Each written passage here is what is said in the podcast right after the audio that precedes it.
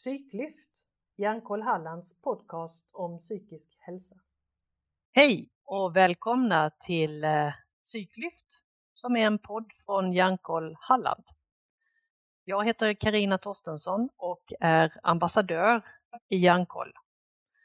Och I dagens avsnitt så tänkte jag att vi ska nosa lite grann på frågan om arbetsliv och psykisk ohälsa.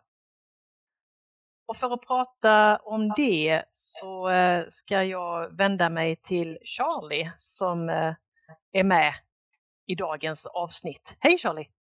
Hej! Hej! Välkommen! Tack! Kan inte du eh, presentera dig själv? Jo, jag är Charlie Tilliander och bor i Falkenberg med min make och två hundar. Jag har en son som bor i Göteborg. Mm. Jag vet inte vad jag ska säga med det. Nej, men... Jag har en lång, lång eh, erfarenhet av olika arbeten. Och du har även erfarenhet av psykisk ohälsa på dina arbeten? Ja, jag har ju med mig psykisk ohälsa jag har haft kontakt med psykiatrin sedan eh, jag första gången tog kontakt med BUP när jag var 11. Mm. Så, så den är rätt livslång. Mm. Och då eh, har du ju mycket erfarenhet med dig från arbetsliv i kombination med psykisk ohälsa. Vill du berätta lite om dina erfarenheter? Ja. Mitt första riktiga jobb var faktiskt när jag plockade jordgubbar. Eh, och det var ett ganska bra jobb.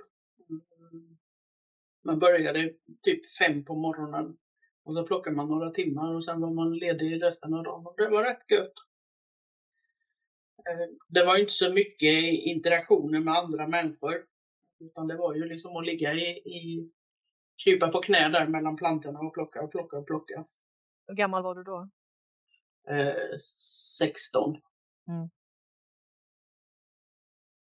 Eh, nästa arbete var på saltpackeriet med Hans Möring innan det brann ner i, i Halmstad. Jag packade mm. salt. Över jullovet där. Eh, och det var år också rätt trevligt, men det var ju mycket mer gemenskap där. Mm. Men alla som jobbade där gick ut och rökte på rasterna. Och jag röker ju inte och jag är inte speciellt social. Så jag stannade ju kvar och jobbade. Mm.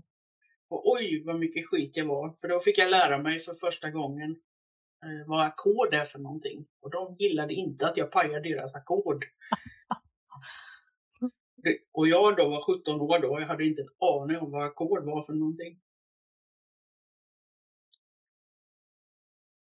Sen eh, när jag gick ut gymnasiet så sökte jag mängder med jobb. Jag tror jag sökte i alla fall 50 jobb runt om i, i, ja, i hela Halland egentligen, men främst runt Halmstad. Du sa när du gick ut gymnasiet, vad var det för ja. gymnasium du gick? Ah, jag gick skogsbruksgymnasiet. Eh, ja. Jag gick på Plönninge två år. Ja. Eh, men så fick jag jobb på, eller jag fick sådana ungdomslag som det hette då på den tiden då. Bland annat eh, eh, lagade jag böcker och gjorde böcker och tyckte det var väldigt intressant. Så en handläggare fick in mig på civiltryckeriet i Halmstad. Mm. Återigen då liksom massa oskrivna regler som alla verkar veta om så automatiskt men jag aldrig har fattat någonting eh, om. Eh, för själva arbetet på tryckeriet var väldigt trevligt. Det var väldigt, eh, eh det hade jag nog trivts om jag hade fortsatt där. Men det är ju alla de här oskrivna reglerna då som, som man aldrig får veta. Det står ju inget i anställningskontrakt och sådär hur man ska göra, hur ska man bete sig mot kollegor och hur gör man i matsalen. Och framförallt då på tryckeriet så finns det väldigt mycket eh, hierarki mellan olika tryckare. Alltså vem som får göra vad och det fattar mm. inte jag. Så att när någonting hände så löste ju jag det. Mm. Återigen hamnade i världens konflikter för att jag gick in och löste saker som jag inte fick göra för jag hade inte rätt. Um... Rangordning då eller? Nej precis. Eh, så det var... Men, men de här sociala oskrivna reglerna, har du lärt dig dem den hårda Nej. vägen eller hur? Nej, hur... jag har fortfarande inte lärt mig dem. jag funderar på att jag ska skriva en bok någon gång sådär om alla oskrivna regler. Ja. Eh, för det har ju gjort att jag har eh, efter ganska kort tag så har det liksom inte funkat. Jag antingen har hamnat i konflikter eller så har jag mått så dåligt att jag har inte kunnat, jag har inte orkat vara kvar därför mm. att jag inte har förstått och varför jag hamnar i konflikter. Uh, uh, men därefter civiltryckeriet så mådde jag väldigt dåligt ett tag och studsade runt lite i systemet med var på behandling och, och lite sånt smått och gott. Eh. Men så bestämde jag mig för i alla fall att jag måste göra någonting med mitt liv. Så jag läste in på komvux, eller sökte in på komvux och läste upp mina betyg. Mm. Eh, och skolan innan då som har varit ett enda långt eh, överlevnadsexperiment för mig för första gången i mitt liv så upptäckte jag att var, skolan var rolig. Jaha. Jag hade jättekul. Alltså det var ett av bästa åren i mitt liv. Det var helt fantastiska lärare. Jag gick på Örnaskolan eh, i Hyltebruk, på komvux där. Helt superba lärare. Hur gammal var du då? 21 var jag då. Mm. Vad var det som gjorde att det var eh, sån skillnad? Dels var jag väldigt motiverad. Och dels alltså lärarna var riktigt bra. Mm. Och de andra eleverna eller studenterna då som gick med mig på komvux var också människor som inte hade speciellt mycket utbildning. Det var verkligen och, och, alltså en grund och de förklarade på ett bra pedagogiskt sätt. Alltså jag räknade cosinus i Pythagoras sats. Alltså fatta! Ja. jag som eh, knappt kan gångertabellen. Det, det, det, det, var liksom back to basic på något sätt. Då. Ni, ja. fick, eh, ni fick de grunderna i den takten som ni behövde. Ja, ja. Ett, presenterat på ett bra sätt. Ja. Jag läste Strindberg, eh, jag fick en fyra i tyska. Det måste ju vara helt eh, liksom, nästan obegriplig upplevelse efter att ha genomlidit skoltiden ja. tidigare. Ja. Ja. Grundskolan var jag glad att jag fick eh, betyg överhuvudtaget när jag gick ut och det var egentligen samma på plöjningen. Mm. För att jag mådde väldigt dåligt under hela min skoltid. Mm. Vad hände efter komvux då? Kunde du liksom, kände du att du sökte nya jobb sen eller var ja. nya, nya typer av jobb eller vad blev det utav det? Det var ju fortfarande en fråga, liksom, vad ska jag göra med mitt liv då efter komvux? Nu hade jag ju högskolebehörigheten så jag tänkte jag ska plugga. Mm. Och så sökte jag till eh, lärarhögskolan och kom in. Och så sökte jag till polishögskolan och kom in. Och Polishögskolan, eh, deras utbildning, förutom de första tio månaderna, så var den utbildningen betald. Det var alltså lön. Ah. Hade inga pengar så att den, det valet var ganska enkelt. Så jag gick det... på Polishögskolan. Och fick lön? Och fick lön, ja. Mm, mm. Men hur, hur kom det sig, om du nu, jag måste ställa frågan också, om du nu tyckte att skolan fram till komvux hade varit rent bedrövlig. Mm. Och så, så bestämde du dig ändå för att fortsätta, fortsätta plugga. Hur gick tankarna då? Alltså det var ju, för jag hade ju, när våran tvååriga gymnasiet så fick man ju inte högskolebehörigheten. Mm. Och det förstod jag ju någonstans ändå att ska jag bli någonting i mitt liv så måste jag plugga på högskolan. Mm. Behövde ju läsa upp mina betyg. Men kan man, kan man inte bli någonting? Skulle inte du kunna få ett, ett jobb som du trivs med utan att plugga på högskolan tror du?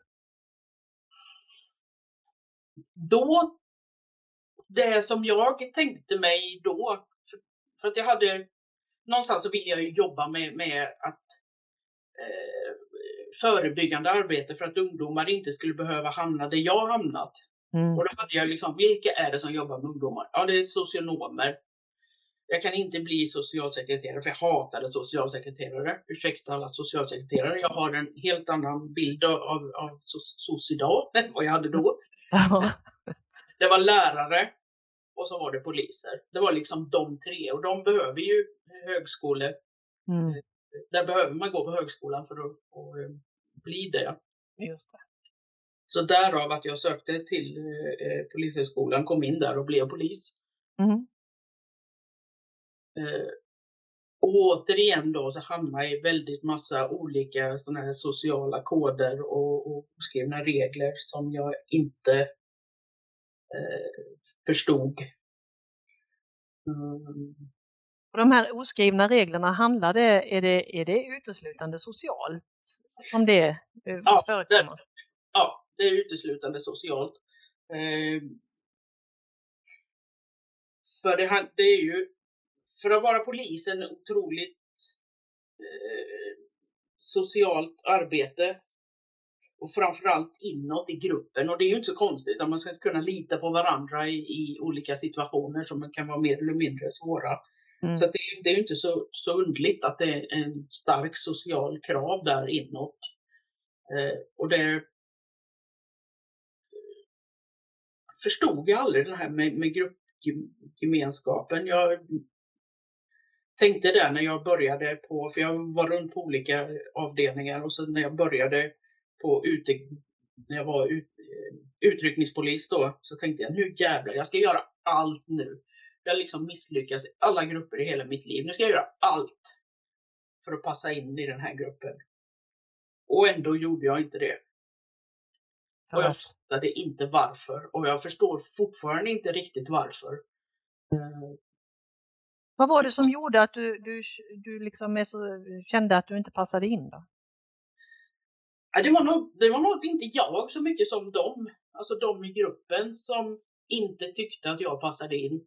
Eh, så till slut så kallade de till ett möte där eh, de berättade för mig att du funkar inte i grupp, eh, du delar inte med dig. Och Alltså alla de här, egentligen så här nu efteråt så kan jag ju se att det som de gjorde då, det var ju att räkna upp kriterierna för Aspergers syndrom. Ja. det fattade jag ju inte då. eh, och blev väldigt, väldigt ledsen för jag har liksom gjort allt för att jag ja. skulle passa i gruppen och ändå, och ingen kan liksom förklara för mig hur jag ska göra. Eh, så att jag eh, blev sjukskriven från polisen och senare blev jag uppsagd därifrån. Men det måste ju vara en fruktansvärd upplevelse att bli inkallad på ett sådant möte och få, ja. få det liksom lagt ja. på sig, att, eh, hur, hur man är. Ja. ja, det var riktigt jobbigt. Det var alla mina, eh, alla i gruppen, alla kollegorna och det var chefen som är kommissarie eh, och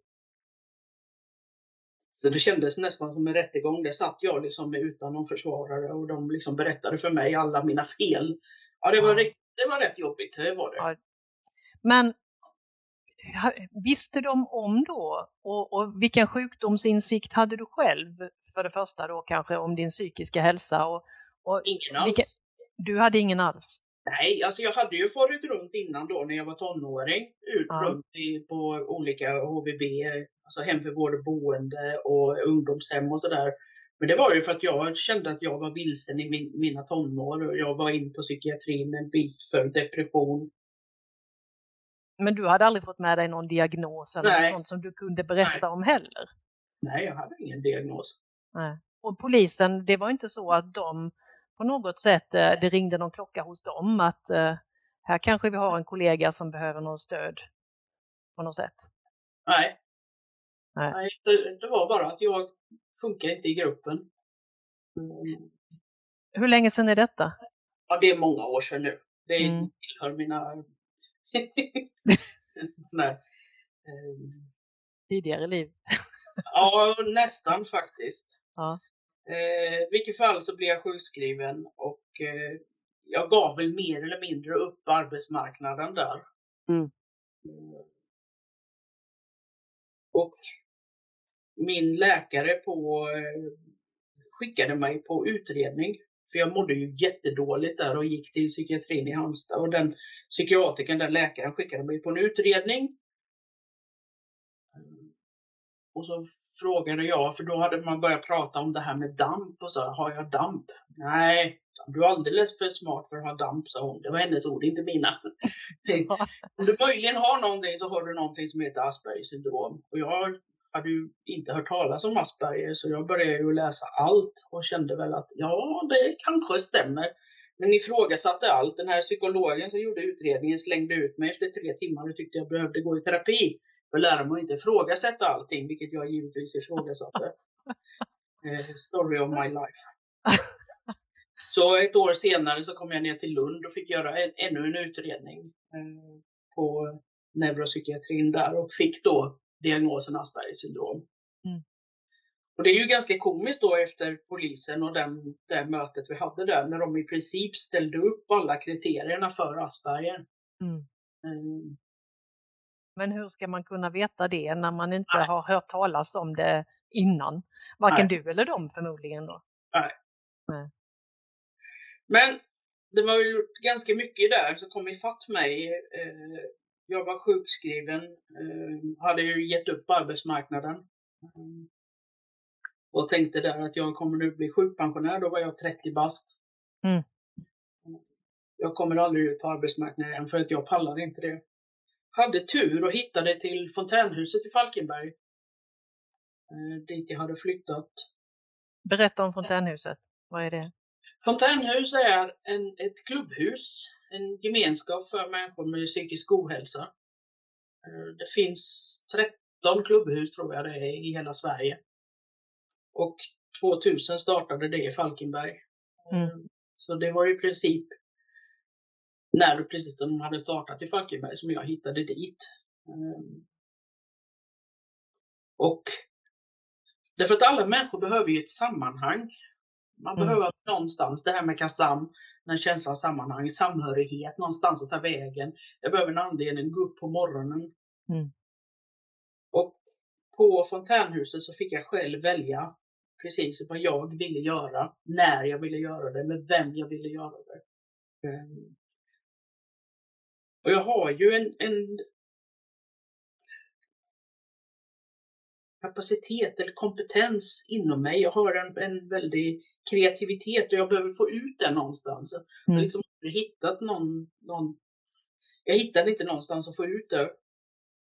Eh, jag brukar säga det då på eh, att om man tror på Gud, att det är Guds straff att ha så mycket kreativitet men aldrig få ut utlopp för det.